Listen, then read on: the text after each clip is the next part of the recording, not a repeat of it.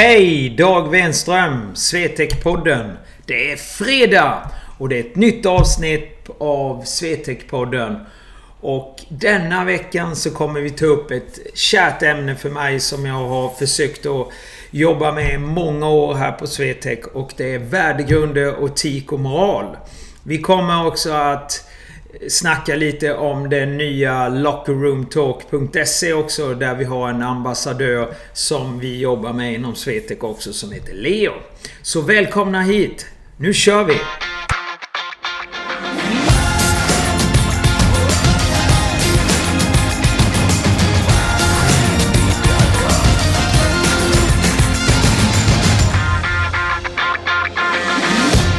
Swetec så har vi värdegrunder och etik och moral.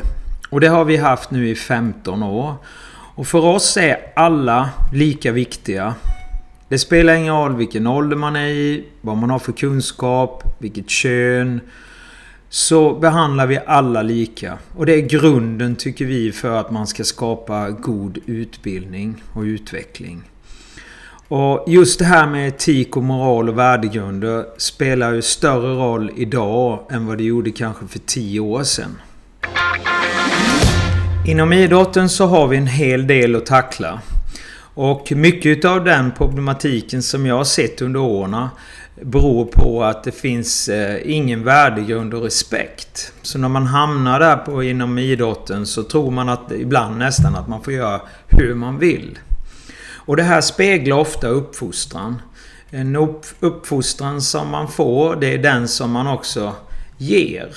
Och det är inte lätt idag att vara förälder och ha sitt föräldraskap.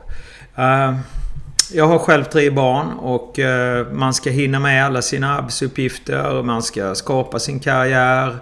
Eh, man ska vara tillgänglig där och så och så. Så det, det blir alltid att man tullar på någonting och tyvärr så kan jag känna ibland att jag inte hinner med barnen så mycket som jag kanske skulle vilja. Och det gör det ju att jag inte uppfostrar dem på det optimala sättet utan de får skapa sina egna regler och ordningar emellanåt och då faller det tillbaka tyvärr på mig själv. Och så här ser det ut ofta inom idrotten också. Att ungdomarna inte riktigt har eh, ska vi säga den stabiliteten utan det är lätt att, att klampa igenom helt enkelt och, och bete sig då betydligt mindre bra. Och eh, det är det som ibland speglar idrotten och skapar väldigt mycket problematik. I Swetec så har vi värdegrunder. Och eh, vi har jobbat med det här i alla år och på alla utbildningar så, så drar vi ofta upp det här. Ehm, att alla för oss är lika viktiga oavsett kön, kunskap och land. Och eh, man ska på våra utbildningar och när vi jobbar ihop eh, alltid respektera alla som är runt om oss. Och det här är ju som sagt var väldigt viktiga. Vi lägger också upp, eh, vi har ofta lite olika strikta regler som vi alla följer oavsett om man är ledare eller spelare eller personal i huvudtaget så följer alla samma mönster. Och det gör det att det är väldigt lätt att lotsas framåt istället för att man har en ja, ska vi säga, regellös del där så att vet man inte riktigt var man ska ta vägen. Och har man då i sin ungdom eller sitt, från sina föräldrar då kanske haft ett mer labilare uppfostran så tar man ofta sina egna vägar och då är det ofta en själv som går först hela tiden. Och det tycker inte vi alltid är den rätta vägen utan vi tycker liksom att man ska respektera men ändå ta för sig. Under alla mina år som ishockeytränare och utvecklingsansvarig så har jag ju mött en hel del problem. Och det största problemet det är ju föräldrarna. Och deras beteende. Och då blir man ju lite mörkrädd för då faller vi tillbaka till det här med eh, eh, föräldraskapet. För så som föräldrarna beter sig betedde sig ofta barnen också. Det smittade av sig i många fall. Och det här är ju väldigt hemskt. Uh, det har till och med varit så att jag har varit i någon klubb och där föräldrarna helt enkelt tryckte ner tränaren så pass mycket så han slutade. Och hur ska det då fungera om vi inte har någon tränare? Då kan ju inte barnen spela och så vidare. Eh, man skrek på domare, man skrek på det mesta. Man, man alltså betedde sig fruktansvärt illa. Och det här finns ju än idag. Jag, jag hör olika saker och jag har även sett det på senaste tiden också. Och, och det, det, spelar ofta inte roll. Det finns nästan i alla klubbar det här. Och jag menar på att man behöver ha betydligt bättre utbildning på föräldrarna. Vad är föräldrarnas sida och vad är föreningens sida? Och då bygger det här ju också på givetvis ledarskapet. Och det är också nästan lika hemskt i många, eh, i många fall så som föräldrarna beter sig. Det finns ju ledare som beter sig enormt Ja, det är fruktansvärt att se hur man beter sig helt enkelt. Det är vuxna människor som ska vara en, en delaktighet i de här barnen och ungdomarnas utbildning och utveckling för deras framtid. Och så beter de sig mycket illa om jag uttrycker mig så. De kan svära, de kan skälla ner en 14-årig domare till exempel. Det är precis som att den här matchen är mellan liv och död. Men det är det ju inte. Det är ju bara en hockeymatch eller en fotbollsmatch eller vad det nu är. Så det har ju liksom inga... Det finns ju liksom ingenting i det. Det, det, det är ingen som vinner någonting mer än att det står på ett papper. Det är skillnad mot senioridrott. Där kanske det gäller ekonomi. Det kan gälla 100 000, en miljon. Där kanske det finns en viss annorlunda syn på det kanske. Men i de här fallen när det gäller ungdomens junioridrott så är det ofta en katastrof. Och det, det är just det här med att man har fått en fel och sned bild inom idrotten. Att man ska kanske bete sig som på ett visst sätt. Så att det är samma här när det gäller ledarsidan. Att här måste man också utbilda och utveckla mycket, mycket mer. Och kanske till och med rannsaka i vissa delar vad är det vi i föreningen står för och vad vill vi ha för tränare.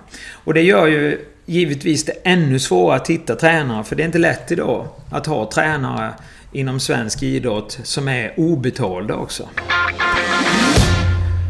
Så den här problematiken speglar ju lite samhället helt enkelt. Så att det finns ju hur mycket som helst att göra. Men i allt det här eländet så kan man ju faktiskt bli glad. Och jag blir jätteglad när jag har sett att en av våra spelare i Swetec eh, Leo heter han. Han är 12 år gammal.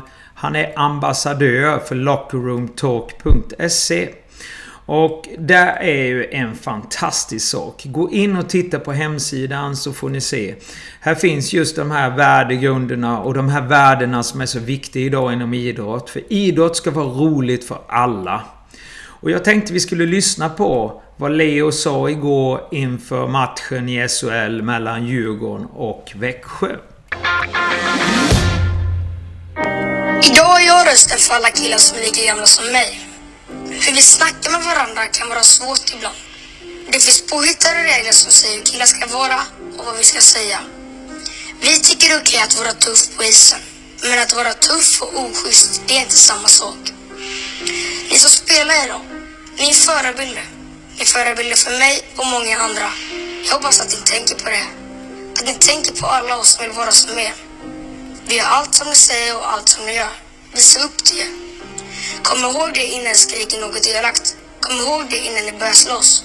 Kom ihåg det innan vi börjar göra som er. Och det gör ingenting om man spelar olika lag. Man kan fortfarande vara schysst. För kom ihåg att det är vi som stoppar skitsnacket. Ja, vad säger man efter det här? Leo Lundblad, 12 år. Fantastisk. Jag är jättestolt att jag får den möjligheten att jobba och utveckla denna killen. Han har en väldigt fin framtid framför sig.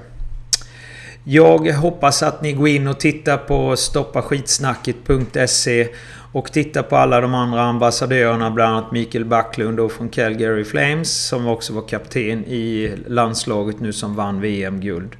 Och kanske ni får lite influenser och vilja göra det här betydligt mycket bättre och hjälpa eh, oss alla att utveckla och skapa mer respekt.